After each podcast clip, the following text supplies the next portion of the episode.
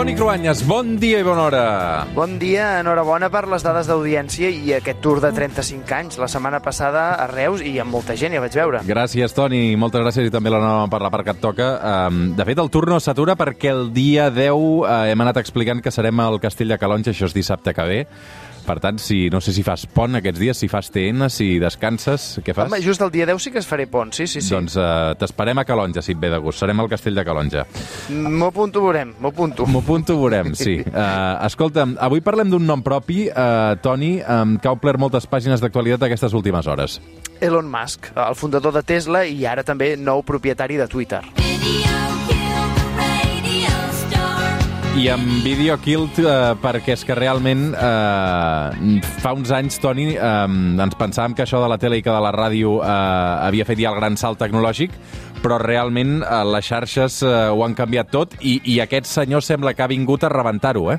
Jo crec que sí. Eh, Elon Musk vol accelerar encara més aquests canvis que no sabem on ens portaran, però eh, avui parlarem d'Elon Musk més com a empresari, perquè a Tesla o a SpaceX ja ha demostrat que és capaç de grans fites, però portant els seus treballadors al límit, exigint esforços, eh, jo diria fins i tot sobrehumans, creant projectes en què implica emocionalment els seus treballadors, però amb un caos ambiental que provoca angoixa. Ara ho està fent a Twitter. Ha acomiadat la meitat de la plantilla, alguns directament a través de missatges a Twitter i, i amb humiliacions públiques.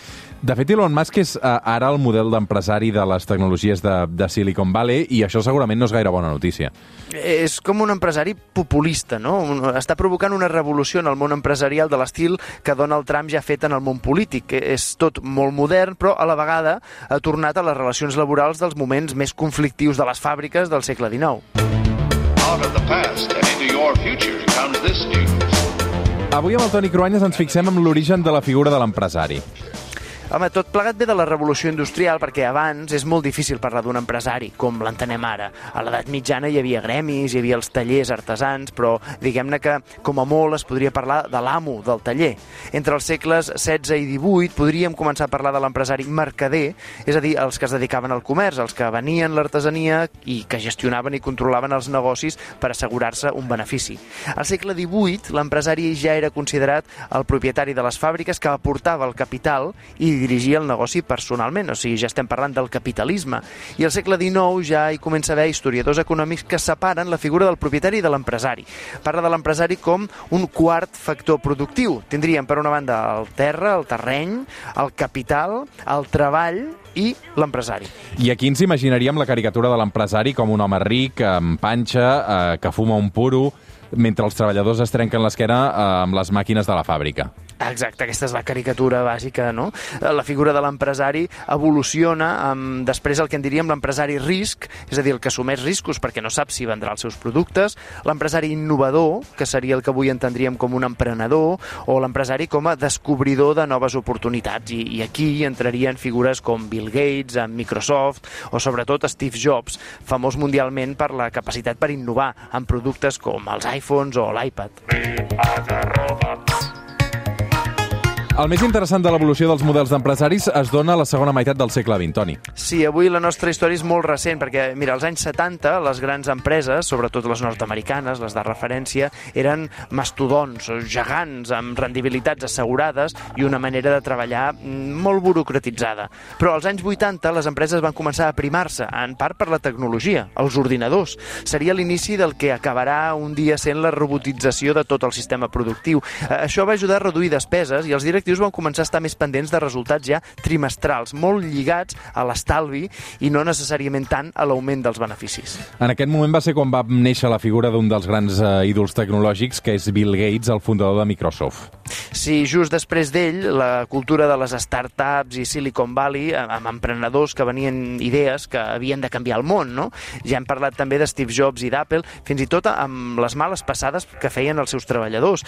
Amb Steve Jobs, per exemple, es va entronitzar com gairebé una mena de líder excèntric amb gran culte a la seva personalitat, com si fos un gurú. Després n'han seguit altres, com Mark Zuckerberg, el creador de Facebook, que és ara amo del grup Meta, amb Instagram i WhatsApp entre les seves marques més conegudes. Un altre exemple seria Travis Kalanick, que és el fundador d'Uber, el servei de conductors, i després hi ha Sam Bankman-Fried, que és el fundador de FTX, que és aquesta empresa de criptomonedes que ha fet fallida fa poques setmanes i ha deixat molts inversors al descobert. Totes aquestes empreses que han fet història, en bona part l'han fet amb grans idees i sobretot amb grans expectatives eh, de beneficis. que ha portat també a moltes decepcions i a bancarrotes, i algunes estafes, directament. En això, el món de les criptomonedes està al límit, i, i tot això ens torna a portar a Elon Musk. Amb Tesla ha fet realitat el somni dels cotxes elèctrics de luxe, però queda per veure quins beneficis en traurà a llarg termini. O, o la idea d'anar a l'espai amb SpaceX. I ara, amb Twitter, veurem en què converteix aquest gran fòrum polític mundial. De moment, des del punt de vista laboral, ja hem vist que amb l'exigència als treballadors que ho donin tot per l'empresa ha mostrat una gran crueltat. Elon Musk és l'home més ric del planeta, però els seus treballadors, de moment, no està tan impietat. Avui a les 9 del matí, sense pietat, amb la nova cançó d'un dels components d'Eufòria, que és el Triquell. Això es titula Jugular. T'agradava el Triquell? Directe. T'agradava el Triquell? Sí, Directe. sí m'agrada, m'agrada, sí. I hem triat aquesta cançó just per aquesta idea, no?, d'anar directe a la jugular eh, de l'Elon Musk. Veurem, el temps jutjarà eh, què ha fet i, i diria que per partida doble, no?, a veure com acaba modelant això del món de les xarxes socials, molt interessant, però, com dèiem avui, pel seu model empresarial. Tinc la sensació que en tots dos àmbits aquest senyor és un perill. Bon diumenge, Toni Cruanyes. bon diumenge.